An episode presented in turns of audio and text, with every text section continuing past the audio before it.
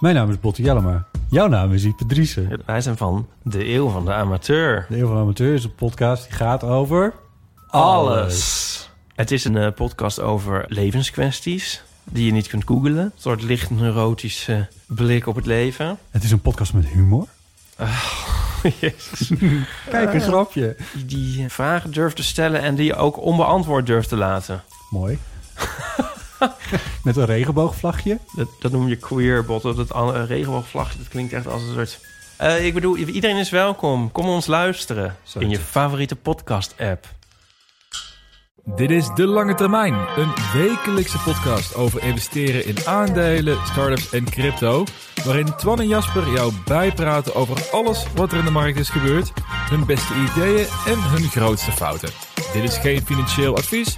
Doe dus altijd zelf je eigen onderzoek. En voor inzicht in ons portfolio ga naar delangetermijn.nl. Ja, we nemen deze aflevering remote op, en ik zit lekker thuis met eh, de Rones. Met de Browns. Met de Rones klinkt wat cooler dan een griepje. Mannengriepje. Maar eh, we, we zitten, wat zitten we nou? Ik denk 50 meter van elkaar vandaan. Zo dichtbij, maar toch zo ver weg. Nou, wel iets meer dan 50, hè? Jawel, denk je? Ja. Maar ik voel de afstand is wel groter dan dat. Ja, oh, je- ja dat vind ik ook. Zo voelt het wel. Ja. Ja, de, lekker dit, hè? De laatste aflevering van het jaar hebben we 52. Dit is aflevering 52. We hebben geen week geskipt. Nee. In de laatste aflevering gooide bijna dit griepje het. eh, bijna gewoon, gewoon het, het, het gooide gewoon het spel bijna helemaal om. Ja, maar je hebt er even een fles whisky in gemieterd. Ik heb die zoete meuk van vorige week Alle even aangemaakt. bacteriën weg. Nou ja, nou ja dat, er staat wel wat zooi hier om een, eh om een whiskykastje die eh, zou de griep wel versneld moeten oplossen, ja. In theorie. Komt maar snel echt. ook weer terug morgen. ja, dat, dat nog eens een keer. Maar goed, we hebben het gewoon gelukt. We zitten gewoon klaar voor de nieuwe aflevering. De Ja. laatste aflevering van het jaar alweer, man. Ja, man. Is, hoe, eh, is voor jou de tijd niet heel snel gegaan? Ja, ik, ik, ik zeg altijd omdat ik ouder word dat dat zo lijkt. Maar ik spreek toch wel mensen van verschillende leeftijden die zeggen... het lijkt alsof de tijd steeds sneller gaat. Jawel? Ja, ja ik, ik vond het echt een mega snel jaar dit. Ja, dat klopt wel, ja. ja. En ik had niet gedacht van... Ja, het is natuurlijk had ik wel gedacht dat we de, het hele jaar de podcast vol zouden houden. Maar ik had niet gedacht dat het zo vanzelf zou gaan.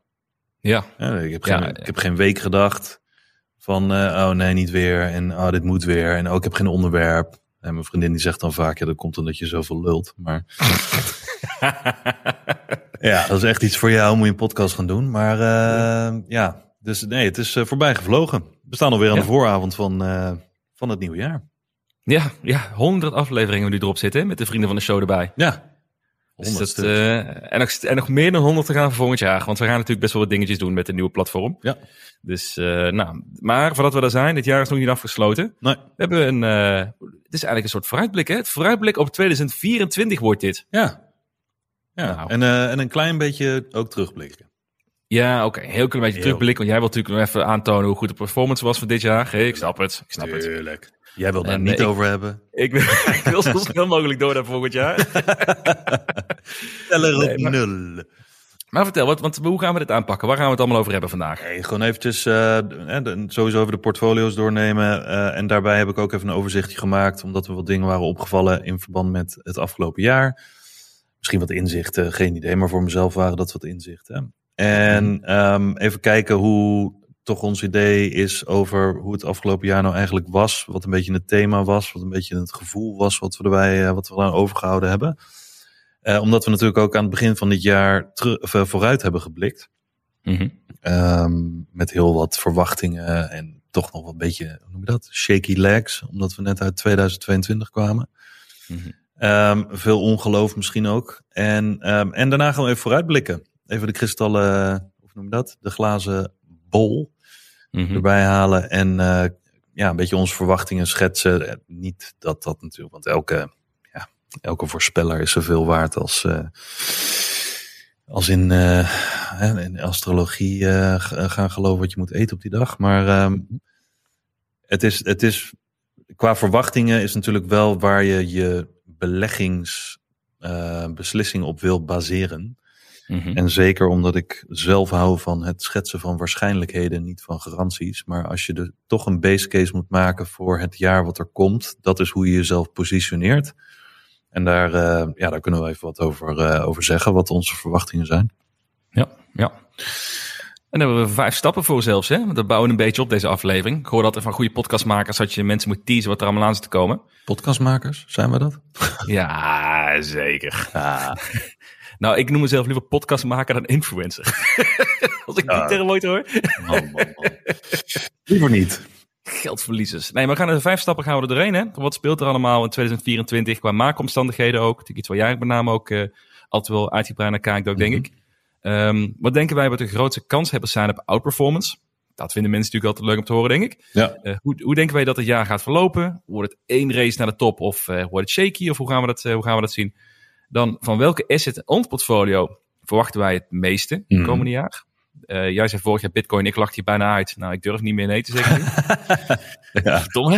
lucky guess. Lucky guess. En natuurlijk de afsluitende vraag. Wordt 24 een beter jaar voor beleggers dan 23? Ja. Dat zijn allemaal vijf vragen die wij gaan doorlopen in de komende aflevering. Dus dat, eh, dat wordt een feestje. We hadden eigenlijk champagne op de tafel moeten hebben als er geen eh, griepje een rol had gespeeld. Ja, nou, dat moeten we later maar een keer doen. In nieuw jaar dan. Het nieuwe jaar. Als je niet, eh. Als je niet eh, de runes hebt. Ah, heerlijk. Nou, laten we met positieve dingen beginnen. Het portfolio. Nou, dat Dan mag jij aftrappen. nou, ik denk, ik bedoel, we hebben er natuurlijk als mensen dit horen, hebben we nog een paar dagen te gaan. We hebben nog eigenlijk, nou ja, afhankelijk van wanneer je dit luistert, misschien één of twee dagen te gaan in het jaar, in ieder geval beursdagen. Ehm, eh, er moet wel iets heel raars gebeuren, wil ik niet eh, boven de 50% eindigen. Maar ja, het zou zo nog kunnen. Maar ik denk voor het, over het algemeen voor mij een eh, heel positief jaar. Ik sta nu op 53%, eigenlijk hetzelfde als in de afgelopen weken. Ehm, ik heb wel eventjes gekeken wat mijn top drie performers van 2023 waren. Ja. Want niet iedereen zal die tracker volgen. Eh, Tenminste, ik hoop het niet, want je hebt vast wat beters te doen. Maar ehm, ik zei aan het begin van het jaar dat ik het meeste verwachtte in mijn portfolio van Bitcoin. Maar Mhm. dat is niet de beste performer geweest in mijn portfolio. Niet? Nee, als je, als je puur kijkt naar rendement op de positie, Hm. dan is dat toch by far de Van Eck Digital Innovation ETF geweest. Oké. Ja, ja, sinds, sinds de laatste 300%. jaren, maanden. 300? Ja, Jezus. 300 procent. En dan zeggen natuurlijk sommige mensen, want ik had het laatst met iemand erover, die zei van, ah, waarom, waarom heb je daar dan niet een grote positie in genomen? Ja, ja. Lekker. Hindsight 2020. Ehm, nee, maar dat ook niet trouwens iets van 75% gedaald of zo vorig jaar? Ja, ja, en er staan nog ver onder eh zijn all-time high. Dus, eh, dus Ah, ja. wat dat betreft is het een enorme inhaalslag te maken natuurlijk. Ehm, maar 300% dus dat is hè, op individuele basis is dat voor de positie de beste score. Eh, daarna Bitcoin 150% in de plus dit jaar. En ook Spotify 150% in de plus. Vind ik zo bizar. We hebben, we hebben zo weinig besproken ook in de aflevering. Ja, Dat het, het telde nooit echt mee bij alle aandelen die je had of andere assets die je had. En gewoon casual plek nummer drie. Je beste individuele aandeel. ja, de stille groeier. Ja. Ik denk overigens wel, niet dat we daar nu echt over door moeten zagen. Ehm, anders krijg ik koppijn. Maar eh, als we Coinbase nog hadden gehad in ons Mhm. portfolio, dan, eh, ja, dan was dat degene geweest. Ja, leuk. Breng het maar weer op. Ja, ja. Ja, joh. ja. leuk. Ja. Je voelt je al zo goed. Ehm, maar, Kijk, de whisky nodig. ja, maar wat je ook in de tracker kan zien, en dat vind ik wel heel ehm, insightful. Omdat heel veel mensen die focussen zich vaak op wat een belegging heeft gedaan. En dat heb ik ook al vaker op Twitter gezegd. Niet dat ik me daaraan erger, maar ik wil altijd wat context geven. Omdat het is leuk om te zeggen dat een positie, weet ik veel, plus 500% heeft gedaan. Hm. Maar als jij 1% van je portfolio of een half procent van je portfolio daarin hebt zitten. En je hebt de hele rit meegemaakt van die plus 500%. Dan heb je 2,5% tot 5% ehm, of eh, tot 4% eh, rendement gehaald. Mhm. Ja, dat draagt, dat draagt natuurlijk bij, maar dat zijn niet de scores waar iedereen van achterover valt. In die zin. Dus wat Ja. je in de tracker kan zien, en dat is denk ik voor heel veel mensen wel interessant, want het geeft mij ook een, een, een blik op wat heeft nou bijgedragen aan die 53% tot nu toe dit jaar.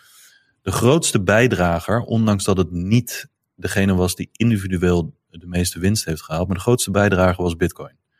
Omdat positiegrootte maal eh, de winst die op die positie is behaald, heeft uiteindelijk voor Bitcoin 18% van mijn 53% rendement gehaald. Zo, ja, ja.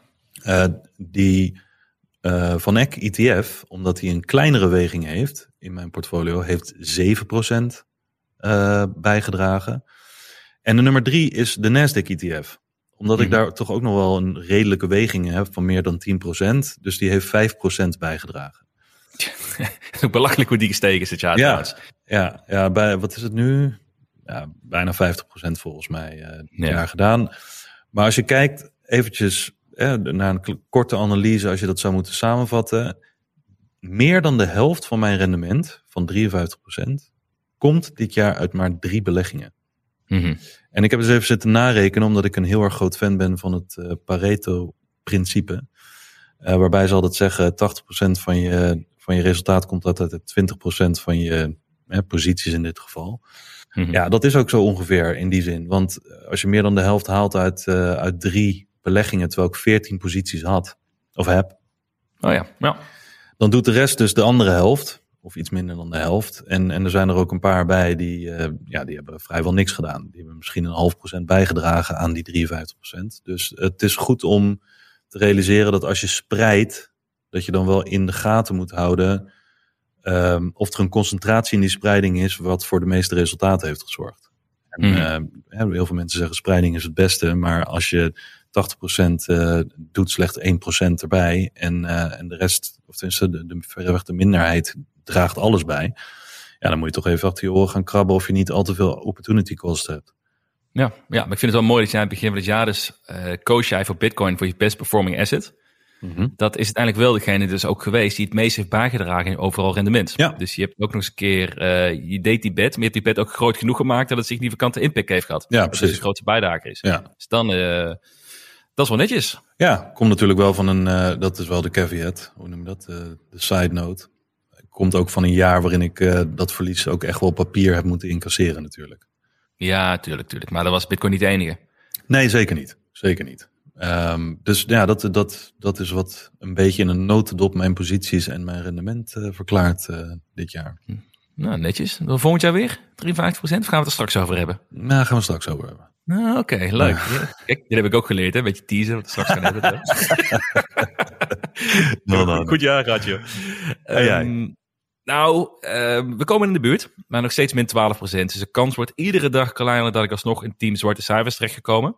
Ik zag net wel dat AST, Space Mobile en Ethereum allebei plus 6% staan voor vandaag. Oh, dat is nu, ja, dat is denk ik 80% van mijn portfolio, die twee. Dus eh, het kan Ja. nog. Als er even twee dagen zo doorzet, dan zou het zomaar kunnen, wie weet. Mhm. Maar eh, nee, voor de rest eigenlijk heel rustig aan. Dus geen acties ondernomen. Ik heb nu wel eh, eh, ja, Origin Materials verkocht. Puur omdat ik dat ga omzetten naar een speculatief mandje. Daar gaan we in de Vriend van de Show natuurlijk ook over hebben. Wat, Ja. wat we daar volgend jaar willen gaan doen met onze mandjes. Dus daar heb ik die voor verkocht. Maar die komt straks weer terug. Maar voor de rest eigenlijk heel weinig, heel weinig gedaan. Ik ben wat, wat crypto posities aan het uitbreiden. Wil ik op een later moment eens over terugkomen wat mijn posities daarin zijn. Ehm, maar eigenlijk verder heel weinig nieuws. Ik blijf gewoon lekker bijleggen. Dus lekker eh, iedere week eh, zie ik dat het geld kost. Dus dat is lekker. Eh, voelt toch fijn als je salaris krijgt en weet, ah, binnen een week en it's gone. Het, Maar, maar het komt vast wel goed. Het enige wat ik wel interessant vond trouwens, de, zonder, om het ook positief voor mezelf een beetje te maken. Ik had begin van het jaar had ik twee mandjes gemaakt, hè? ook gewoon fictieve mandjes. Mhm. En een van was dan het portfolio als ik alles omgooien tot de posities die ik in, op 1 januari heel graag had willen hebben. Ja. Toen wij volgens mij de eerste aflevering maakten. En eentje als ik zou gaan voor undervalue tech. Dus bedrijven die gewoon veel te zwaar waren afgestraft in mijn mening. En eh, nou, die gewoon eh, een, heel, een flinke upside met zich mee konden brengen als die herstel zou komen. Nou, dat, het tweede mandje met name, undervalue tech, is sinds vandaag boven de 100% rendement uitgekomen. Dat is Oh, toch netjes? dat En ik heb er 0 euro in zitten, dus ik heb er niks aan. Ja, plus 100% bijdrage nul. Aan nul. Ja, ja, precies, precies. Nou, dus dat is wel heel lekker. En, eh, maar ik vond het wel mooi. Maar, ik, ik, maar het bevestigde mij wel, dat is meer het belangrijkste, dat je moet durven instappen op hetgene waar je op dat moment in gelooft. Ja. Dus hè, vorig jaar, wat mijn probleem was in, voor, in januari dit jaar, is dat ik een aantal aandelen had, hè, zoals Canoe en Metal en alles, die gewoon heel zwaar in prijs waren gedaald. Ik had er nog steeds geloof in. Ik dacht, nou, ik ga het nu niet op, zodra ze de bodem staan, was het, eh, was het idee. ga ik ze niet verkopen voor iets anders. Terwijl ik op dat moment hadden wij het vaak over gehad. Ik dacht, ja, daar liggen nu de grootste kansen. Die undervalue tech, die high free cashflow bedrijven. Dat, dat is waar nu eh, heel veel eh, goede deals te aan liggen. En ik heb het toen niet gedaan. Nee. En nu denk ik van, van geleerd, ik ga nu gewoon puur voor waar ik zie waar de hoogste kansen in liggen. Zonder vast te willen houden aan oude, een oude meuk, omdat ik daar een verlies op heb gemaakt. Wat overigens Dus, een van de eh, moeilijkste dingen is. Hè? Dus het is niet zomaar dat dit, eh, coulda, woulda, shoulda of, of wat dan ook. En dat je dan nu besluit om het te doen en dan uiteindelijk het goede doet. Maar Ja. ik denk dat dit voor heel veel mensen het allermoeilijkste is, ook voor mij. Om, om oude overtuigingen opzij durven te zetten ehm, in ruil voor nieuwe overtuigingen. En, en dus ja, met de kans dat je oude overtuigingen toch nog goed gaan doen. En dat het even duurt voordat je nieuwe overtuigingen iets van resultaat gaan laten zien. Waardoor je best wel een periode ja, het gevoel kan hebben van, ah, wat heb ik nou gedaan? Ja, want klopt. Het is, nooit, het is nooit makkelijk en je doet het in feite nooit goed. Ehm, maar je nieuwe overtuigingen volgen, omdat je daar, dat is net met een nieuwe baan. Je kan, je kan in een oude baan bijvoorbeeld meer verdienen, maar helemaal geen lol er meer uithalen. En met een nieuwe baan weer volledig een nieuwe energie eh, krijgen. Mhm. Eh, dan moet je daarvoor gaan, dan moet je daarvoor durven gaan. En niet voor die gouden kooien durven kiezen of eh, blijven kiezen of je comfortzone of wat dan ook. Dus ik, ja, en, en dat blijft moeilijk. Ja, ja, dat klopt, klopt. En zo ging het ook. Hè? Want ik heb bijvoorbeeld, toen ik Canoe en Distal Mitte verkocht, heb ik grotendeels van het geld ook richting een AST Space Mobile gezet bijvoorbeeld. En die is de laatste drie maanden ruim verdubbeld. Dus, dus en daar zit nu veel te veel geld in. Maar ik heb daar nog steeds conviction in dat dat gewoon goed gaat komen. Ja. Of dat het flink gaat zeigen. Dus eh, ik hou me nu gewoon vast in de dingen waar ik knijterhard in geloof. En eh, ga eens kijken of we volgend jaar weer nieuwe fouten kunnen bijschrijven. Heb jij nou. Heb je... Oké. Side note. heb, jij, heb je nou veel cash staan? Omdat je veel Ehm, verkocht en aan het herallokeren bent? Ja, tijdelijk. Tijdelijk toch? Omdat ik, een, ja, omdat ik 1 januari dat mandje op eh, training toe, toe wil aanmaken. Ja. ja. Maar in principe, het is tijdelijk cash. Dit, dit, dit, is al uitgegeven in mijn hoofd. ja. je hoofd. Niet aan Gucci bags of zo, maar gewoon netjes in aandelen. Maar het is al, eh, het is al weer netjes besteed. Ja, precies. Dus vanaf 1 januari ben je in, in principe. Is dat zo? Dat je dan weer volledig belegd bent? Of? Ja, misschien wel eerder, joh. Wanneer Ja? ik het mandje kan vullen. Dat, eh, Het geld moet nog uitbetaald worden door de Giro. Het Ja. duurt vaak wel twee dagen, altijd langer dan je denkt. Dan is het uh, oud jaar. Ik wil ook niet gaan, gaan eh, handelen als ik een drankje op heb. Dus waarschijnlijk wordt het Nee. 2 januari of zo. Ja. Zou iedereen moeten Dus, doen. Ja, ja, handelen tips. als je een drankje op hebt. Nee, juist handelen als je wel een drankje op hebt. Dat is een goed idee. Dan volg je wel misschien sneller je overtuigingen. Dat wel. Dan heb je wel even de... Nee, laten we dat maar niet doen. Nee, nee, nee niet handelen als je een drankje hebt. Dan maakt het alleen maar erger. En het, eh, de lange termijn portfolio, waar gaat, gaat die jou nog inhalen, denk je? Ja, of die mij gaat inhalen, weet ik niet. Dat zou, dat zou zomaar kunnen, maar dat lijkt me vrij sterk in, eh, in de komende dagen. Maar eh, die staat toch op plus 44 procent. Dus het is wel, en, die, en die, die wel, wat we vorige week ook zeiden, daar zit Coinbase in als nummer 1. Ja, die maakt natuurlijk enorme stappen. En CrowdStrike, Nvidia en Bezi, ja, die, dat blijft ook gewoon lekker liggen. En ehm, dat hele portfolio, dat, dat zegt wel iets over de markt, denk ik. Ik denk dat het een goed gewogen gemiddelde is van een, nou, hoe zeg je dat? Ik wil niet zeggen een bovengemiddeld risicoportfolio, maar wel een portfolio waar je vooral dit jaar tegen alle, ehm, hoe zeg je dat? Tegen alle bears in, Mhm. ehm, goed mee gescoord hebt. Ook omdat het, het ging natuurlijk alle kanten op. Maar ik denk dat dat als je kan eindigen met een, met een portfolio wat bepaald is door de luisteraars en het is plus 45%. Ik weet niet op hoeveel, hoeveel mensen op plus 45% staan. Ja, ja, klopt. Ja, als je puur in Nasdaq had gezeten wel, maar dat is natuurlijk gedragen door die eh, zeven aandelen die eh, vooral in het begin van het jaar of in de eerste helft van het jaar eh, al het nieuws haalden.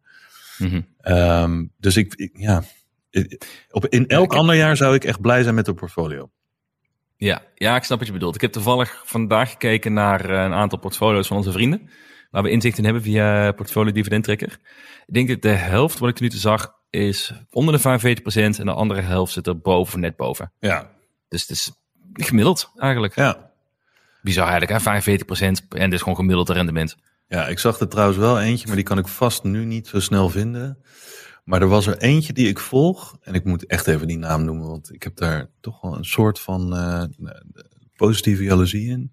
Ik gezegd, proef ik jaloezie? Jan Galema, Oké, Eh, ja. die volg ik. En die heeft ook bij de portfolio dividend tracker en eh, openbaar portfolio. Eh, niet met bedragen, maar wel rendement. Plus 75% dit jaar. Netjes. En niet met hele obscure dingen. Maar gewoon, eh, de grootste positie is de IWDA. Mhm. En dan heeft hij CrowdStrike, Adyen, Mercado Libre, eh, Cloudflare, ASML en dergelijke. De- en niet heel veel posities. Volgens mij een stuk of 12, 10 uit mijn hoofd. Maar ehm, ik, gewoon echt bizar. Plus 75 procent. Niks mis mee. Niks Ik mis. zou, er, ik, ik zou ervoor tekenen, denk ik. eh. Oh, we zijn zo verwend met die rendementen. Ach, man, man, daarom mag maar het volgend jaar. En laten we het daarover in hebben volgend jaar trouwens. Het is een mooi bruggetje. Want eh, volgend jaar wordt het natuurlijk alleen maar erger. Mhm. Alleen maar meer. We willen alleen maar meer als mensen zijn. Ja, meer, meer, dat meer. dat gaat gebeuren. Alleen maar meer. Maar laten we eens even terugblikken op afgelopen jaar. Wat eh 2023. Als jij er naar kijkt. Als jij er een paar woorden zou mogen omschrijven. Het jaar. Voor beleggers. Valse start. Denk ik ten eerste schiet me nu ineens te binnen. Omdat waar we het vaker Ja. over hebben gehad, is dat heel veel mensen niet konden geloven dat we de bodem hadden gehad. Mhm. 2022, ik weet nog hoe we er in december bij zaten, met, met koersen van Meta rond de 80 en eh, Tesla rond de 100. eh, Noem het maar op allemaal. Eh, volgens mij heeft die van ECK, Digital Innovations ETF, heeft de 1,70 euro aangetikt, terwijl die nu op 7 nog wat staat. Mhm. Ik denk dat heel veel mensen, inclusief ik, te lang hebben gewacht om ehm, weer een beetje risico toe te voegen aan hun portfolio.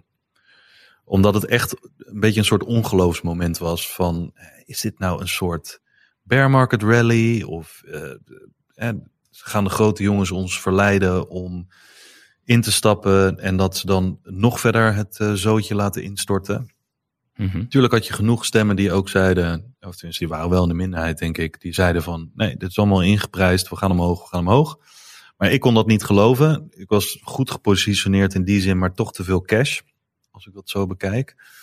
Ehm, en ja, ik denk dat dat het thema een beetje kleurt.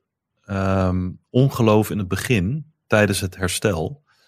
Eh, veel te veel mensen die ook nog schreeuwden, ehm, dit, dit kan niet goed gaan. Eh, iedereen is te hoopvol. En als iedereen te hoopvol is, worden we keihard afgestraft. Maar het bleef maar gaan, het bleef maar gaan.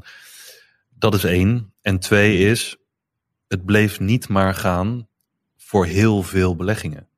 Het was echt een heel geconcentreerd segment in de markt die als een malle gingen.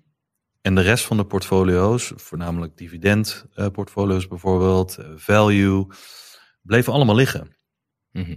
Eh, en we hebben genoeg van die grafieken gezien eh, in de eerste helft van het jaar, of na de eerste helft van het jaar, dat als je uit de SP 500 eh, de grootste groeiers van de 10 grootste groeiers had gehaald, dat je met 490 van die andere aandelen eh, op plus 2% stond.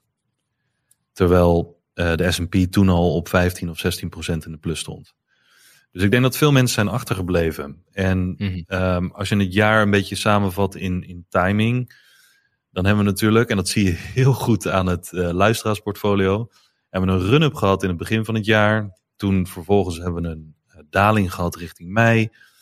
Eh, weer een run-up richting het eind van juli. Toen weer een, een, een dikke vette eh, daling, die best wel voor veel mensen lang duurde, ook al was het maar twee maanden, richting oktober. En nou, de afgelopen weken is het weer eh, Hosanna. En eh, eh, doet kennelijk, ehm, ja, van wat we er nu van hebben gezien, veel meer van de markt doet mee Mhm. dan aan het begin van het jaar. Ik denk dat dat een beetje de switch van het thema is. Dat in het begin van het jaar, in de eerste helft, deden een aantal beleggingen zo'n beetje alle winsten. En nu doet een hoop meer mee. Heel veel afgestrafte eh, small caps. Die hebben toch wel wat aardig wat, eh, wat groei laten zien. Komen ook van ver natuurlijk. Ehm, maar sinds oktober is gewoon echt een inhaalslag bezig voor een groot deel van de markt. Ja, het lijkt alsof risico weer terugkomt, hè? Dat Ja. mensen weer durven uitgeven aan dat soort assets. Ja, en breder risico in die zin. En, Ja. ja, en verder, wat was het thema? Nou ja, we hebben natuurlijk een bankencrisis gehad, soort van. Ehm, daar was iedereen vol van, inclusief ik. Ehm, dat, ja, of dat voorbij is, geen idee. Maar dat leek alsof, eh, alsof dat een, mokerslag zou worden op de rest van de markt. Rond maart, april. Ehm, is niet gebeurd. Eh, voor zover, er zijn een paar banken omgevallen natuurlijk. Maar voor zover het de markt betreft eh, en de economie, nou, weinig schade. Ehm, ja, en eh, de- de- alle dingen met, eh, met crypto exchanges en eh, toestanden die in 2022 waren begonnen, die vonden hun weg naar de rechtbanken en dergelijke. Ja, het is, het, het, is een, het is een jaar geweest waarin je wel heel veel ingrediënten had om in ieder geval te twijfelen. Ja, zeker. Ja. En ik denk dat misschien ook wel het woord van het jaar is gewoon twijfel. Tenminste, als het bij mij zo is. Ik, ik, ik heb op geen enkel moment gehad. Dit is vol overtuiging weer 100% risico. Nee, nee. En ik zit er ook even aan te denken ook. Eigenlijk vanaf het moment dat, dat de, de eh, situatie ging dalen op, op economisch gebied. Ik bedoel, dat dus de renteverwachting... eh, verwachting zou zijn dat de rente zou gaan dalen. Mhm. Hè, de liquiditeit toen al. Eigenlijk, dat was oktober. Vanaf dat moment zie je eigenlijk ook small caps en eh, crypto zie je echt natuurlijk fors toenemen. Ja. Sinds, sinds, sinds dat moment ook. Maar tot die tijd is het natuurlijk best wel pittig geweest Ja. in de breedte. Ik zit even tussendoor naar mijn portfolio te kijken ook hoe het gegaan is door het jaar heen. En ik zie, ik zat bijvoorbeeld na één maand zat ik op plus 40% Toen dacht ik, nou, dit kan best een leuk jaartje worden. Eh, een half jaar later zat ik op min 40% Toen dacht ik, wat een kutjaar. Oi. maar, maar, het is, het is, maar je ziet ook heel veel pieken en heel veel dalen erin komen. Zeg maar. Zelfs bij mijn portfolio, dat echt best wel volatiel was daarin. Ehm, maar ik ben dus heel benieuwd. Dus, inderdaad, wat jij zegt, is een enorm twijfelachtig jaar. Maar hoe zie je het dan, als je kijkt naar 2024 dan, hè, voor wat er allemaal gaat eh aan zitten komen? Wordt, wordt het dan niet nog juist een risicovoller en volatiel jaar? Ehm, nou ja, ik denk sowieso, er, er zijn natuurlijk een aantal factoren die meespelen in, in hoe je een jaar kunt zien. Ik denk dat als je terugkijkt, en dat zou raar zijn als het nu anders zou zijn, dat in een verkiezingsjaar in de VS ehm, willen degenen die verkozen worden, die, dus die op dit moment zitten, Mhm. ehm, die kunnen niet verkozen worden, of hebben weinig kans om verkozen te worden, als het heel slecht gaat. Want dan willen mensen een, een, een verandering van, eh, van leiderschap. Mhm. Ehm, dus ik denk dat er alles aan gedaan wordt om in een verkiezingsjaar eh, te zorgen dat zowel de economie als de markt het goed blijft doen.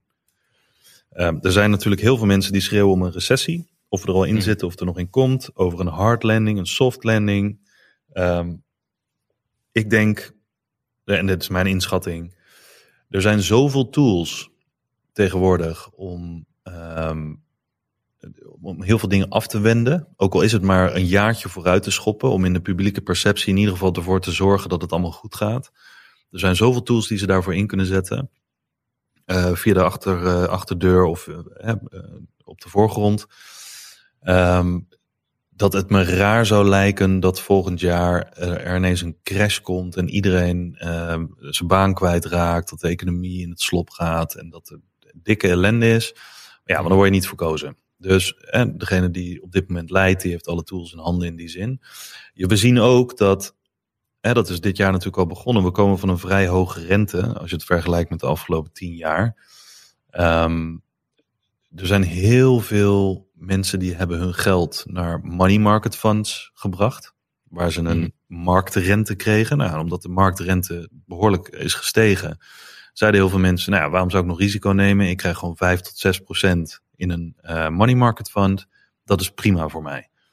Eh, de inflatie is aan het dalen.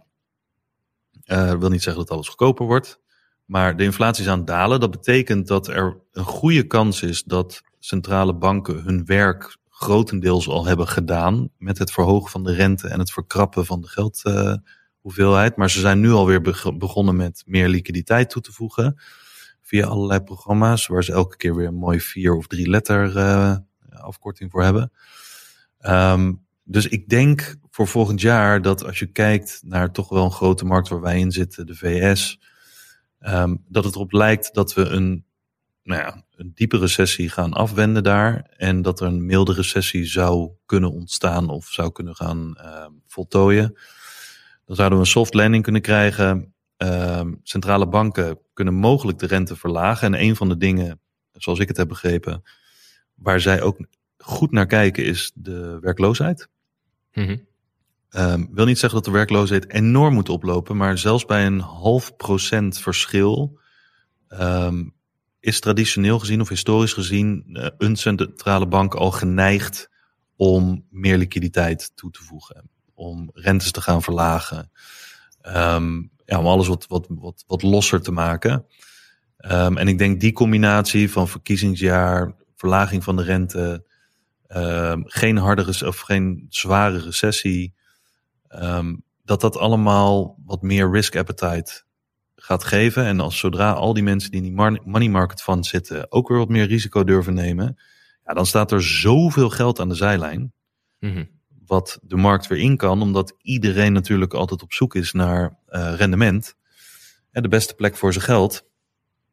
Ehm, dat zou nog best wel eens een, eh, ja, een, een goed jaar kunnen worden als, als je dat zo bekijkt. En dan denk ik dat een beetje dat PTSD, dat uh, trauma-verhaal van 2022, hoe, hoe verder we daar vanaf zitten straks, hoe minder mensen daar nog in hun achterhoofd rekening mee houden. Ja. Ehm, Ja, eens. dus ja, ik denk, ik denk dat alle recepten, of tenminste dat alle ingrediënten voor dat recept van meer stijgingen, meer risico-appetite, dat die er zijn. Kanttekening natuurlijk altijd dat er tegenwoordig, en zeker in de laatste jaren, enorm wat black swans, eh, of wat risico's daarop eh, zijn vergroot. Want er wordt nou ja, lukraak overal maar een oorlog eh, gestart. En we hebben het gezien met COVID en dergelijke, dat, dat, dat kan al aardig wat roet in het eten gooien. Maar ja, als dat niet gebeurt, ehm, en keep on trucking, dan, dan denk ik dat het een beter jaar zou kunnen gaan worden dan, dan 2023. Maar, nog, maar ook in rendement een beter jaar dan, denk je? Want het is natuurlijk best wel een belachelijk jaar geweest, toch? Eh, als je kijkt naar eh, de Nasdaq en is ja, eigenlijk in de breedte. Ja, nou ja, ik denk, als je, als je historisch kijkt, dan zijn het ook heel vaak, hangt natuurlijk vanaf waar je in zit. Eh, maar dan zou je het recept kunnen schrijven waarbij alles steeds digitaler wordt. alles steeds technologischer wordt. Dus tech zou het goed dan kunnen gaan doen. Ehm, en we komen van een eh, behoorlijke daling af. En als je kijkt Mhm. naar hè, dotcom-bubbel of je kijkt naar de Great Financial eh, Crisis 2008, 2009. Ja, dan, dan zou zo'n tweede jaar, en zeker als dat matcht met een verkiezingsjaar, en ook als het matcht met, eh, ze zijn gestopt met renteverhogingen, ehm, mogelijk renteverlagingen, dan zou dat, ja, dan zou dat een goed recept zijn voor, eh, voor nog een beter jaar. Ik denk alleen wel, en dat, dat is ook nog iets wat, wat veel mensen natuurlijk noemen, zodra ze gaan verlagen qua rente, dan zien ze iets in de economie breken. Ehm, de centrale banken althans. Want dan willen ze het weer makkelijker maken om de economie een impuls te geven. Dat is meestal, historisch gezien, een beetje aan de late kant geweest. Dus dan hebben we eerst nog een crash of een daling te goed. Maar we leven een andere tijd dan 15 jaar geleden. En ze hebben nu het eh, QE-systeem uitgevonden sinds 2008. Ik denk, ja, ik, ik ben van de overtuiging dat dit een, andere, een ander scenario zal worden. Mochten er dingen gaan gebeuren, dat ze meer tools hebben, dat ze hetzelfde trucje nog een keer gaan proberen. En dat zal goed zijn voor markten. Of, of dat leidt tot een, weet je wel, in 2024, 2025 een soort melt-up of een soort boom. Nee, daar gaan we het er straks over hebben. Het is pas, of- het is pas vijf Geen onderdeel. idee. Nee, precies. Nee. dat is de teaser, man. Niet met de hele Ja, teaser te weggeven. Wat wij van het jaar verwachten nog. Nee, dus Eh, ik, ik denk dat alle recepten er zijn, of alle ingrediënten voor dat recept er zijn. Oké, Ehm.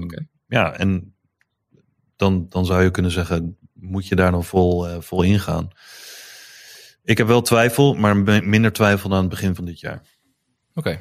Ja. Nou ja, dat kan me voorstellen. Er kwam het in een heel andere situatie. Toen was de markt net eh, gigantisch gedaald. Dus dan, het sentiment is dan sowieso Ja. anders natuurlijk.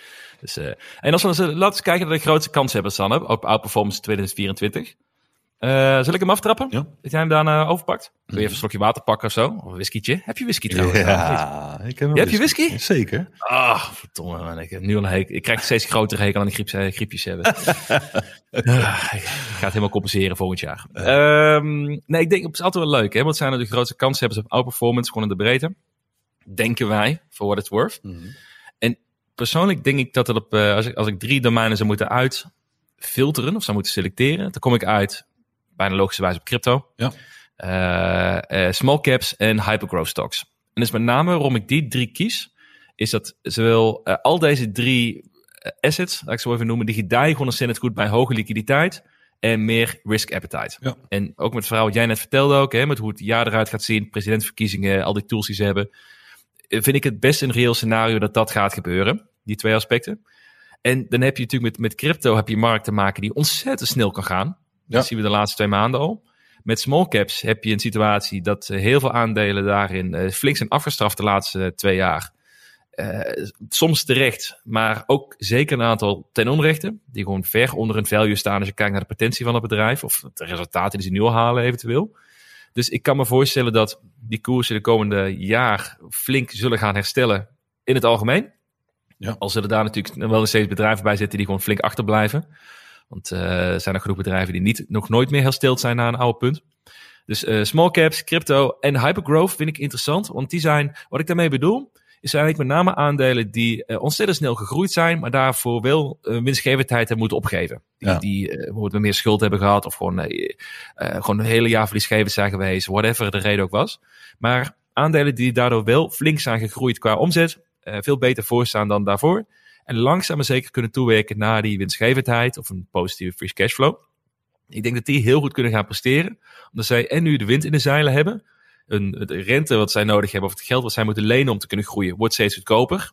Nou, dat betekent dus dat ze nog harder kunnen gaan groeien in die zin. Want ze zijn al gewend dat ze een eh, verlies maken daarin. Mhm. En ik denk dat hier een aantal bedrijven tussen zitten die heel zwaar zijn afgestraft afgelopen jaar. Omdat ze verliesgevend zijn. Want hè, daar hadden we allemaal een hekel aan in 2023. Verliesgevende bedrijven.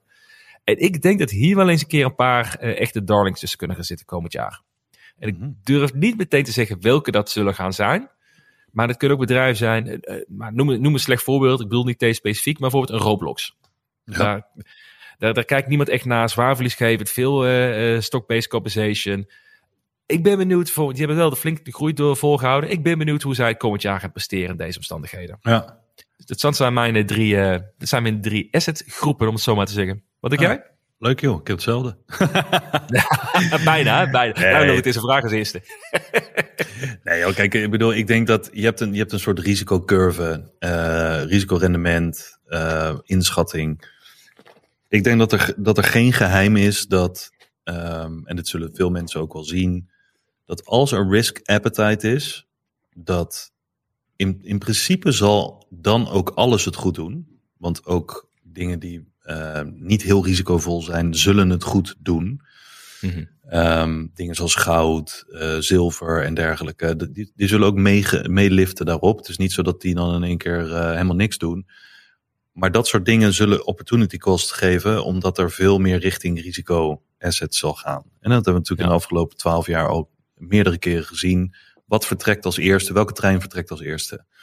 En ik denk wat jij zegt, ja, daar ben ik het mee eens. Eh, crypto, small caps. Eh, er zijn nog heel veel, want dat vergeten ook veel mensen. Ondanks dat de Nasdaq op een all-time high staat, een all-time high, eh, Mhm. zijn er nog heel veel bedrijven in bijvoorbeeld de Russell 2000, de small caps, die staan nog ver, maar ook echt ver onder hun all-time high. Breek me de bek niet open. Ja, dus en dat zijn over het algemeen de dingen die jij ook noemt, ehm, waar uiteindelijk dan ook met meer risico-appetite, dat daar meer geld naartoe gealloceerd wordt. En eh, ook met goedkoper lenen en dergelijke, wat je al noemt. Ehm, ja, dan wordt het gewoon een repeat van, van alle risicocycles die we hebben gehad. Mhm. Ehm, en daarbij natuurlijk hebben we nieuwe bewegingen gezien ook die wat meer vorm gaan nemen. Zoals robotics en AI. Weet je, dus Ja. dat soort aandelen ehm, en beleggingen zullen, zullen wat mij betreft het ook goed doen. Eh, Bitcoin staat nog steeds niet op een all-time high. Staat nog steeds, wat is het? 35% of zo van zijn all-time high. Ja. Ehm, terwijl de Nasdaq al op een all-time high staat. Dus je zou zeggen, nou, misschien is het, is, is het risico nog niet helemaal terug en moet dat nog terugkomen in die eh, sector. Ehm, ja, en, en ik denk, mensen zijn mensen. Zodra er meer eh, trek voor risico is, dan gaan alle cowboys weer dingen doen die ze altijd doen. Mensen blijven hun eigen ehm, opportunisme najagen en daar kan je van profiteren. Je kan het afdoen met, ah, dat is echt onzin. Mhm. Ja, who cares man? Ik bedoel, ehm, ja, zoals jij al eerder een keer zei, eh, I'm in it for, eh, for the money. Weet je, ik bedoel, als je winst kan halen met iets waarvan je denkt, ja, dit kan best wel eens een bubbel weer worden. Ja, waarom zou je daar niet aan meedoen? Ja. Wel, wel natuurlijk ja. met, met, met de kanttekening dat het de dingen zijn waar je überhaupt in gelooft, waar je onderzoek naar hebt gedaan en dergelijke. Maar in een, in een, in een markt waarin er heel veel risico genomen kan worden. eh, en de hele markt gedragen wordt met alle tools om het te backstoppen dat er geen eh, crash kan komen, bij wijze van spreken, in zo'n jaar als, als komend jaar. Ja, dan denk ik dat, eh, dat je gewoon de snelste paarden moet hebben. Ja. Daar moet, je, daar moet je op focussen. En ik denk dat dat crypto is. Ik denk dat dat ehm, small cap tech is. Ehm, en andere small cap focus ik mij niet op. Dus, eh, dus dat worden voor mij de, ja, dat worden voor mij de categorieën. Crypto en eh, small cap tech. Nee, ze zeggen allebei dus, dit is een, een jaar voor risk-on. Ja. Om meer risico te gaan durven nemen dan de afgelopen jaar. Ja, en dat is, dat is in die zin mijn 80% base case. Want ik heb ook nog steeds in dat portfolio eh, iets wat me inkomen geeft en iets wat me kan beschermen, zoals goud. Ja. Daar geef ik dan een stukje opportun, opportun- eh, hoe noem je dat? opportunity cost, geef ik daarvoor op. Eh, door goud aan te houden, terwijl de rest van de treinen en eh, raketten allemaal vertrekken. En goud nog lekker zit te dobberen. Ja, dat vind ik fijn. Dat waardeer ik van je. Want dan geef je mij de kans om je volgend jaar een keertje te halen. Dus, Ja, ik hou er ook rekening mee dat ik het mis kan hebben. Maar ik ga er niet van uit. ehm, ik ga er niet van uit dat er minder dan 50% kans is dat dit scenario met risico zich gaat afspelen. Nee, maar ik snap je wel. Ik denk dat, dat- en dat zorgt ervoor natuurlijk dat jij ook kan blijven bijschalen als nodig is, toch? Ja. Of afschalen als Ja, nodig is. absoluut. Ja. Dus, eh, en als je dan kijkt naar 2024, naar gewoon het jaar, als je dat zou, zou gewoon opbouwen. Je gaf net al aan, dit jaar was het begin heel twijfelachtig. Eerste hele jaar, of eerste drie kwart heel twijfelachtig. Laatste maanden ging het vrij hard. Hoe, hoe, hoe, hoe, hoe kijk jij dan naar 2024 qua door de maan heen? Maar ja, dat is altijd lastig om een beetje in te schatten. Maar ik heb altijd wel de neiging om te zeggen dat als je een jaar heel goed afsluit. En we staan nu op extreme greed. ehm, heel veel ehm, nou ja, technische indicatoren staan op, al redelijk een tijdje op overbought. Dus ehm, heel veel mensen zijn weer ingestapt. Er is heel wat eh hopium. Alles wordt weer eh, gedeeld. En iedereen is weer gigantische voorspellingen aan het doen met eh, price targets en dergelijke. Ja, dan denk ik dat, dat dit jaar misschien zou kunnen beginnen, in tegenstelling tot vorig jaar, waarin we het omgekeerde hadden. We kwamen net Mhm. van een daling en eh, in januari ging eh, de markt weer omhoog. Nu komen we best wel hoog het jaar uit. Ehm, het zou me niks verbazen, al zou, zou ik daar niet alles op durven wedden. Maar het zou me niks verbazen als we eventjes wat moeten afkoelen. Ja, Ehm, dus dat we niet een net zo sterke stijging krijgen aan het, als aan het begin van, het, eh, van dit jaar, van 2023. Ehm, ofwel we blijven een beetje liggen en kabbelen, of eh, het gaat gestaag omhoog, of we krijgen alsnog een beetje een daling. Wat, wat mij betreft dan een kans is om te kopen. Eh, want ik ga er nog steeds vanuit dat het een boelmarkt is. Dus elke daling zou je dan in die zin kunnen kopen als dat je overtuiging is dat we daarna verder stijgen. Mhm. Ehm, maar ik denk toch wel richting mei ehm, dat we wel gestaag doorgroeien en dat, ehm, dat er misschien dan een iets van een pauzemomentje is, de zomer overgetild wordt en dat we het jaar in de tweede helft, en misschien vanaf september, oktober, eh, goed afsluiten. Dat, Mhm. dat, dat is mijn, ja, hoe zeg je dat? Dat is mijn verwachting, die natuurlijk gaandeweg het jaar wel aangepast kan worden, mochten er wat, eh, wat red flags en dat soort dingen afgaan. Maar ja, ik ben niet meer van plan om heel lang te wachten als ik een trend zie veranderen, om dan nog heel lang vast te houden aan ehm, wat ik denk dat er gaat gebeuren op basis van wat ik drie maanden geleden in mijn dagboek heb geschreven. Nou, ja, dus je wil sneller gaan, sneller durven switchen ook in je strategie. sneller durven er nieuwe switchen, inzichten. Ja, Ja, ja, vind ik een logische. Of vind ik een goede als dat kan natuurlijk. ja. Ja, ik denk, ik denk dat je wel gelijk hebt, denk ik daarin ook. We hebben natuurlijk nu een, ehm, vooral de laatste maanden, we natuurlijk enorme opmars eh, zien gebeuren. ja. Eh, op basis van heel veel hopium en eh, gevoel van het, het, het, het kan niet meer op qua rentedalingen, hoge liquiditeit, wat dan ook. Ik denk, er komt een moment, wel het eerste half jaar, dat mensen denken, nou, ik ben benieuwd. Nu mag het wel eens echt gaan gebeuren dat die rentes veel lager gaan, liquiditeit zien toenemen, dat soort zaken. Mhm. Ehm, daarom zit ik er zelf een beetje in, voor what it's worth natuurlijk, dat we het eerste half jaar best wel stabiel blijven. Dat, ik, ik, vraag, ik verwacht niet heel veel spannende dingetjes. Misschien hier en daar, zeg maar, bij specifieke assets, zoals een eh, ja, Bitcoin krijgt natuurlijk de ETF-goedkeuring. Dat zal iets gaan gebeuren, vermoed ik. Ja.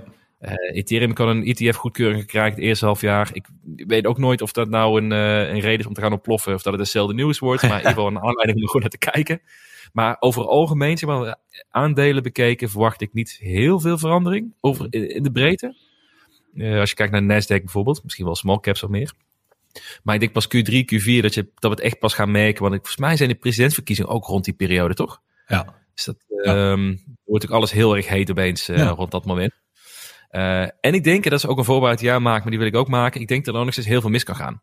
Dus de, hè, er zijn heel veel dingen die we aannemen. Hè, de, lage rentes, meer liquiditeit, ETF's van Bitcoin, yada yada yada. Het kan ook allemaal niet zo gaan gebeuren natuurlijk. Nee. Dat, ETF's worden afgekeurd, omdat eh, de SEC nog loopt te bitchen. Er kan nog steeds een sterke recessie komen. De, de rentes, misschien gebeurt er iets waardoor de rentes omhoog gaan in plaats van omlaag. Ja. Wie, wie zou het zeggen? Kan. We hebben nog steeds problemen in Oekraïne, in het Midden-Oosten. Eh, China en Taiwan hebben nog steeds, eh, zijn nog geen vriendjes met elkaar. Dus China heeft sowieso problemen. Dus er zijn nog steeds heel veel dingen die fout kunnen gaan en de markt kunnen verpesten komend jaar. Ja. Maar ik denk wel, als je het samenvat, ik, ik denk ook optimistisch voor 2024. Als je kijkt ook naar wat jij in het begin vertelde, wat er allemaal aan is te komen. Ehm, maar geen garantie. Ik zit, ik zit er niet klaar voor te denken, wauw, 2024 wordt een knaljaar. Nee, maar misschien denk- is dat nog beter ook. Ja, en ik denk dat eh, ik bedoel, mensen die in brede ETF's zitten, die zullen er niks om geven. Maar eh, gewoon wat flexibeler zijn. Om, Ja. je, om je overtuiging een, een beetje bij te schaven. Of in ieder geval er rekening mee te houden dat als er iets misgaat. ehm, dat je dan niet eh, een beetje blijft staren naar, naar wat je hebt opgeschreven. Maar ik denk ook dat, en dat is een beetje inherent aan een jaar waarin er meer risico genomen zou kunnen worden. Dat gaat ook gepaard met meer volatiliteit. Ja, En, en ook breder qua volatiliteit. Want dan heb ik niet over volatiliteit in, in zeven aandelen bijvoorbeeld. Of zeven beleggingen. Maar gewoon marktbreed zal er dan veel meer volatiliteit kunnen zijn. Ehm, dus dan krijg je ook al heel vaak dat mensen zeggen van... eh, oh nee, het gaat alleen maar omhoog nu. Stel dat het tot aan eh, februari omhoog gaat en daarna eh, daalt alles 30% in al die risicovolle assets Mhm. niet in brede ETF's, maar in risicovolle assets. Eh, dan kan zomaar ineens een eh, Robinhood of een Coinbase of zo kan in één keer 40% op zijn lazer krijgen. En dat mensen dan zeggen, oh, nu verandert de case. Mhm. Nee, dat zijn dan voor mij, totdat er iets anders eh, werkelijkheid wordt of duidelijk wordt, dat zouden dan goede koopmomenten kunnen zijn. Eh, Ja. hè, dingen die je gemist hebt, dat je daarop kan instappen. Ik vind het moeilijk om in te stappen op een toch al stijgende trend. Zoals nu.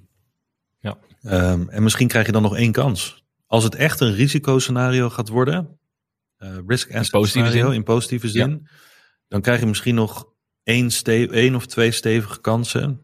Ehm, ja, en dan, dan moet je je overtuiging wel eh, een beetje backen met wat geld. Ja, ja, ja. En anders krijg je zoals ik deed. Een hele leuke schouderportfolio maken, 0 euro in stoppen. Ja, En dan uiteindelijk niks op verdienen. Ja. Lekker, lekker. Nee, je hebt helemaal gelijk erin. Hey, als we dan kijken naar onze portfolio's hè, voor komend jaar. Mhm. Van welke assets, en dit is natuurlijk de vraag waar iedereen op zit te wachten na jouw eh, keuze voor bitcoin begin dit jaar. Van welke asset in ons portfolio verwachten wij het meest in het komende jaar? Mm, We gaan ermee doen hoor, de voorspelling van het jaar. mm. Gooi hem maar in. Ik denk toch nog steeds Bitcoin. Nog steeds? Ja. Ja. Hmm. Nou ja, en de reden waarom is, is omdat ehm, in mijn portfolio, hè, eh, er zullen Mhm. genoeg dingen zijn, zoals dit jaar ook. Als je in Solana zat, bijvoorbeeld in crypto, dan had je een eh, fantastisch jaar. Ehm, en meerdere dingen zijn eh, gigantisch gestegen, maal 10, maal 20, whatever. Maar wat in mijn portfolio zit, en we hebben het over risk assets, denk ik dat Bitcoin toch nog eh, de beste performer kan worden in mijn portfolio. Omdat ik denk dat die ETF, mocht die er komen en afhankelijk van wanneer die er komt, misschien een soort sell eh, de news event wordt, maar dat daarna toch echt wel realistisch gezien veel kapitaal die kant op gaat. Van alle ehm, financial advisors, heel veel geld wat niet naar Bitcoin toe, echt het grote geld wat er niet in kon gaan zitten, omdat er gewoon geen producten voor waren, geen betrouwbare producten. We krijgen de Bitcoin halving. Ehm, ik denk dat er best wel wat, ja, hoe zeg je dat? Best wel wat stroming die kant op staat. En dat dat eh, misschien voor 2024 voor mijn portfolio de best performer kan worden. En dan in 2025 eh, misschien andere dingen. Maar ja, ik zou toch zeggen voor 2024 in mijn portfolio denk ik Bitcoin. Maar zou jij, denk jij dat bitcoin het beter gaat doen dan Ethereum? Die heb je Eh, ook in je portfolio, toch? Ja, die heb ik ook in mijn portfolio. Maar dat vind ik, ik vind dat in die zin lastig. Ik denk dat als je het over de komende twee of drie jaar bekijkt, Mhm, zou ik kunnen zeggen Ethereum. mhm. Maar ik denk een jaar sneller voorbij dan je denkt. En er moeten heel veel dingen de goede kant op staan. Wil er een soort outperformance zijn. En ik denk dat Bitcoin dit jaar of aankomend jaar 2024 misschien wel de meeste aandacht trekt en het meeste geld trekt. Ehm, en dat zodra eenmaal alle afspraken zijn gemaakt voor een Ethereum ETF en hè, alle, alle Ethereum die er geburnt wordt, minder supply. Het, ehm, die case zou bijvoorbeeld kunnen starten in de tweede helft van dit jaar. Wat, wat mij betreft. Mhm. En het dan langer volhouden naar richting 2025. Dus uiteindelijk, Ja, zo. als je de, de finishlijn misschien 100 meter verder trekt, dan zou Ethereum als eerste eindigen, in mijn beleving. Maar dat Bitcoin een betere start gaat krijgen. Ja, een langere staart aan. Een Ethereum waarschijnlijk. Ja, ja, Ja, precies. Ja, het zou, het zou kunnen wat je zegt. Je merkt wel natuurlijk dat veel aandacht nu nog steeds op Bitcoin ligt ook. Mhm. Met alles wat eraan is te komen. Dus ik, ik, ik, ga, ook- ik durf niet meer tegen te spreken na het begin van het jaar. Ik ook Bitcoin weg, gek. Nou, had ik maar gekocht dan ook. Ik, denk dus, ik, ik denk dus zelf wel dat Ethereum gaat outperformen. Ik denk eh, dat Ethereum st- sterk undervalued is. Niet ten opzichte van, eh, van de grote coins. Of, of op zichzelf nog sterk undervalued is. Mhm. Als je kijkt dat het eh, deflationair is. eh, als je kijkt naar de rol van, van eh, wat zij in de, in de blockchain netwerk hebben. Met alle L2 layers die erop aan het bouwen zijn. Iedereen heeft Ethereum nodig. Ehm, er komt een grote upgrade aan in Q1. Mhm. Waardoor het er nog schaalbaarder wordt. En ik denk dat het, dat is vind ik zo'n geval van een, van een crypto die veel te veel eh heet om zich heen heeft. Of heel, veel te veel heet krijgt dan wat het daadwerkelijk doet. Ik vind, Dus, ik vind eh, dit wel mooi. Alweer. Gewoon, dan heb je het over, je, je hebt het niet over, eh, weet ik veel, een aandeel, waar je, Tesla of zo, weet ik veel wat. En ik heb het over crypto of andersom. Gewoon, Ja? Nu kiezen we dan allebei dezelfde sector. En dan hebben we allebei een andere. Wel, Ja, wel, de, ook- wel de top coins, maar dan echt, ik, ben geen Bitcoin maxi, maar het is wel gewoon echt, jij Ethereum, ik Bitcoin. Ja, maar dat is, jij kiest altijd voor de koning en ik kies altijd voor dat schildknaapje die opkomend is. Ja. Dat, eh, de, de, de future king. Ik moet wel zeggen, kanttekening erbij. Ik heb denk ik van alles waar ik ooit in geïnvesteerd of mee gespeculeerd heb, eh, qua rendement wel het meest gehad aan Ethereum. Ja, die, die is Uiteindelijk. Ja, snap ik wel. Die is ook gigantisch gestegen. Meer dan Meer dan Bitcoin. eh, ja, precies. Maar wie weet, wie weet. Het, ehm, en, ik, ik heb je nu, misschien voor de nuance, ik heb je nu vooral over assets waar gewoon veel geld in zit. Mm. Want ik heb ook nog, ik ga 5% van mijn portfolio ook in, eh, in wat meer kleinere coins stoppen. Maar dat, ja, dat reken ik even niet mee. Dat Naast is al naast de Amdax Trends. ja, ja. En wat Alex Trends is top 20 muntjes. Ah. En ik wil daarnaast heel graag een layer 2's. En nog wat, eh, wat meme coins. Ah. Peppen en zo. Ja, ja, ja, ja. ja. Ik, ik, eh, maar daar kan ik een keertje uitgebreid over, eh, over praten. Ja. Maar die, die neem ik nu even niet mee, omdat het maar een kleinere positie is. Ja, precies. Maar om toch wel één aandeel nog te noemen. Je, je, je verwacht hem natuurlijk al, eh, je ziet hem al aankomen. Maar niet voor niks is dat mijn grootste positie qua aandelen. Eh, ik denk dat AST Space Mobile een echt een waanzinnig jaar kan gaan hebben. Mm. Ik denk dat eh, ze gaan in Q1 gaan er weer vijf satellieten omhoog. Dat gaat bewezen worden. Dus een, eh, dan gaat de eerste omzet gaan draaien, is het, is het idee. En dan wordt de tech volledig gevalideerd. Dan, dan, dan, gaat, dan gaat het helemaal los. Als het lukt, hè? Als het lukt. Ja. Dus dat wordt of een, eh, ik denk komend jaar, die mag je opschrijven. Eh, met, het, met dat ik bij zich 95% van de kans dat je geld kwijtraakt. Maar dit wordt komend jaar een 10x of het eh, wordt helemaal niks. Meen je? Komend, komend Dat jaar. Ja, ja, ja, ja, ja. 10x? Ja, ja, ja, ja, dat mag je opschrijven. Ja, dan moet ik wel... Of, helemaal- of, of helemaal niks, hè? Of gewoon weg. Gewoon geld ja, weg. oké, maar dan moet ik even snel jouw mandje gaan kopiëren dan bij Trading Tool. ja, nee, dus dat, eh, dat, nee, daar, ben ik wel heel enthousiast over. Ja. Dus dat, eh, dat helpt wel. En dan kunnen we afsluiten bijna met de hamvraag, waar iedereen op zit te wachten natuurlijk. Wordt 2024 een beter jaar dan 2023? Ja. Je mag hem aftrappen. Wat denk jij? ja, ik denk van wel. Maar beter ook qua rendement. Nou ja, ik weet niet. Kijk, je kan natuurlijk zeggen, wordt dit beter qua rendement voor mij persoonlijk? Ja. Of wordt dit voor de meeste mensen een beter jaar dan 2023? En ik denk dat het voor de meeste mensen een beter jaar wordt dan 2023, omdat heel veel mensen zijn achtergebleven in 2023. Ik denk dat Mhm. als, hè, wat ik net ook zei, dat eh, rising tide lifts all boats. Ehm, ik denk als de risk appetite terug is en ik denk dat eh, met al die verkiezingstoestanden en dergelijke, dat ze het impuls zullen geven, verlaging van de rente, bla bla bla, meer liquiditeit, dat alles, van goud tot, tot dividendaandelen, tot weet ik veel wat, heel veel dingen die zijn achtergebleven, dat die ook beter zullen gaan. Dus dat het gros van de mensen er beter vanaf zal zijn dan in 2023. Oké. Denk je mits ze de- natuurlijk de eh, niet lopen Nasdaq- te klooien met, eh, met al hun geld eh, in gambling. Nee, nee, nee, nee, natuurlijk. Maar denk je dus dat... Maar oké, maar wat, wat zou jouw voorspelling zijn? Helemaal diep in de glazen bol. Wat gaat de Nasdaq komend jaar doen, denk je dan? Komend jaar denk Oh man, dat is een lastige. Ik denk dat de Nasdaq het jaar 2024 ofwel hetzelfde of net erboven eindigt versus dit jaar. En dat is een, Qua rendement? Of, Ja. of het huidige... Dus dat hij weer 40% is doet. nou, meer dan 50% Denk je? Ja. Holy shit, die schrijf ik ook op hoor.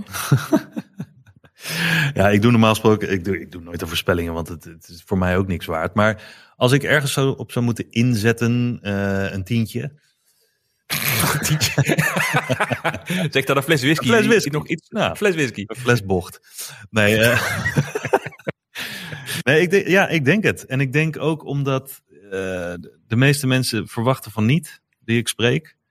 Ehm, ja, en ik denk dat er de mensen die dat denken, dat die achtergelaten worden. En, ehm, en, en dat er toch nog best wel ja, een overperformance zou kunnen zijn. Ik denk het wel. Of, of dat lang volhoudt, geen idee. Of lang stand houdt, geen idee. Maar ik denk, ja, stel dat, eh, we het zit nog niet helemaal aan het eind van het jaar. Maar stel dat de Nasdaq dit jaar eindigt met plus 50%. Dan denk ik of hetzelfde eind december 2024. Of iets meer.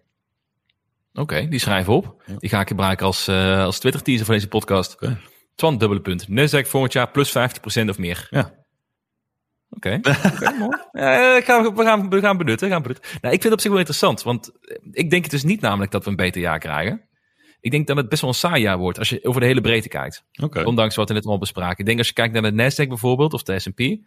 Ik denk niet dat die heel veel zullen gaan bewegen. Ik denk uiteindelijk dat het best wel een saai jaar wordt van 6% stijging, 8% stijging. Weet je, de, de usuals. Of misschien een beetje daar, daar blijft hangen. Mhm. Maar ik denk meer dat het een, een stockpickers market gaat worden. Waarbij je dus een aantal bedrijven hebt die al heel goed doen. Die waarschijnlijk eh, even pas de plek moeten maken. Ja. En heel veel bedrijven die zijn afgestraft ten onrechte. Of heel veel groei hebben laten zien, maar eh, niet meer tot lievertjes behoorden. Dat die een enorme inhaalslag kunnen gaan maken. Dus meer een soort eh, nivellering noem ik het maar eventjes van, de, van de beurs.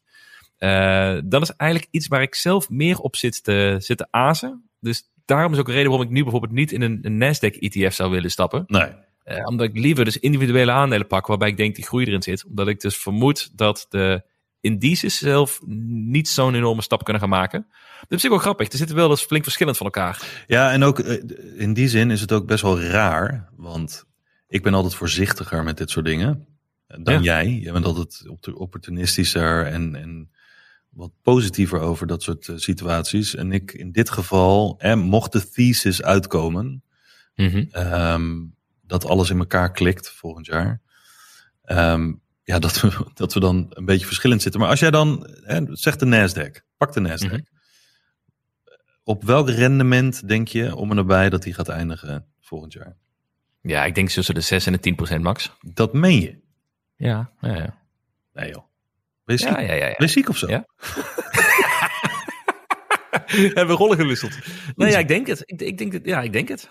Oké, dus jij denkt dat, dat, dat een... Oké, nee, dat is interessant. Want ik denk dat marktbreed alles beter zal gaan. Dus dat dan ook vertaalt naar een hogere Nasdaq. En, en dan zijn er meer aandelen die bijdragen aan de Nasdaq in plaats van een paar. Jij denkt dat het een stockpickersmarkt wordt en dat de indices blijven liggen of niet zoveel doen. Eigenlijk een beetje een gemiddelde. En dat daartussen wat pareltjes zitten die enorm gaan outperformen. Ja, ja, en het komt is gebaseerd op het feit dat ik op dit moment, hoe goed ik ook kijk, ik kan nergens goede deals vinden Mm. bij tech-aandelen. Of heel weinig goede deals. Terwijl vorig jaar was er heel veel. En al die goede deals, uiteindelijk welke je gekozen hebt, de meeste gingen wel 40, 50 procent omhoog. En die trekt natuurlijk ook de Nasdaq met je mee. Ja, Nou, dat top 7 maakt natuurlijk helemaal die impact. Maar die waren ook een aantal heel goedkope bij, hè. Meta, Tesla was relatief goedkoop. Nvidia, nou, dat niet per se het geval. Eh, dus daar zaten echt wel deals tussen. Google was heel goedkoop in januari. Dus ik, ik, ik zie dat gewoon nu niet op dit Nee. moment. Dus ik kan het me niet voorstellen dat het nog een keer eh, 50% omhoog gaat. Maar ik, ik laat me graag, graag verrassen. Ik word graag weer afgetroefd in onze onderlinge portfolio-strijd. Nee, maar dat is, Dus, eh, vind, ik vind het interessant. nou ja, ik denk dat je de historie wel een beetje mee hebt. Want als het een situatie wordt zoals eh, weet ik veel, de afgelopen 30 jaar of zo, dan, dan zag je inderdaad wat jij zelf ook al zegt. Als er niks anders is nu dan in het verleden, dan zag je in het eerste jaar van herstel zag je de grootste winst en daarna zag je een beperktere winst. mhm. Dus in die, in die zin eh, is de geschiedenis aan jouw kant. Eh, ik denk alleen dat, dat de situatie anders is nu. Dus dat, dat is interessant dat we daarin verschillen. Ja, het is in ieder geval een heel apart jaar gaat het worden. Ja. Er heel veel gaat gebeuren. Dus het wordt sowieso een leuk jaar, denk ik. ja. Goed moment om een eh, uitgebreide platform te gaan. Oh, ja, over te schrijven. Zeker. Over schrijven gesproken, ik denk dat ik weer eens moet gaan schrijven. Want over een paar dagen moeten we live. Mhm. En eh, het griepje helpt niet mee de laatste dagen. Dus eh, Ik denk dat we moeten afronden, man. De laatste aflevering weer van de lange termijn van 2023. Ja, Als je één cijfer zou moeten geven, de podcast, wat hebben we bereikt dit jaar? Wat zou je doen? dat- wat we hebben bereikt. Ja, nee, hoe, ja, hoe het geworden is na één jaar eh, ploeteren, veel whisky drinken, dat soort zaken. Wat Zou je, zelf, zou je de podcast geven? 9,5. Oef. Nee, half? Ja, Oh, het heeft mijn verwachtingen overtroffen. netjes. Ja, Ja. en jij? Ja. 3,5. Ik denk... Was leuk geweest als er iemand anders bij was. Nee joh. Ja, iemand die dat kunnen beoordelen. Nee, ik ben er wel tevreden mee hoor. Ik denk, ik, ik, ik, ik durf onszelf wel een, eh, ik denk dat we onszelf een 8 kunnen geven. Jij bent echt ziek. hè? Denk ik. Nee, nee, nee, nee. Nee, Maar ik, ik denk nog steeds heel veel dingen. Er zijn nog heel veel verbeterpunten Ja, die we kunnen tuurlijk. halen. En heel veel dingen die we kunnen doen volgend jaar. Dus Daarom liep je ik, een beetje laat ik ook dat halve puntje. Oh, goed zo. Je bent er zo, weet je. je, bent, je oh nee, eh, je, ben je zo'n ouder die als je, als je klein is straks met een 9,5 thuis komt. Dat je zegt, waarom is het geen 10? Waarom is het geen 10? Nee, juist Ben je niet. zo eentje? Nee, zeker niet. Nee joh. Oké, je- Ik, ik, Nee, zou, ik zou zeggen van joh, lekker 5,5. Best.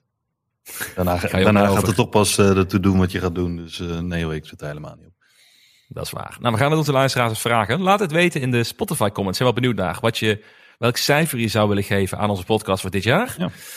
Dan eh, weten we of wij met een goed gevoel of slecht gevoel in het nieuwjaar gaan natuurlijk. Ja, dat ga ik pas, ga ik pas bekijken in het nieuwe jaar dan. Want eh, Met heel veel champagne op. nou, Maar eh, nee, we laten nog één keer dan alle luisteraars bedanken. We hebben best een twaalf drukke, leuke maanden achter de rug gehad.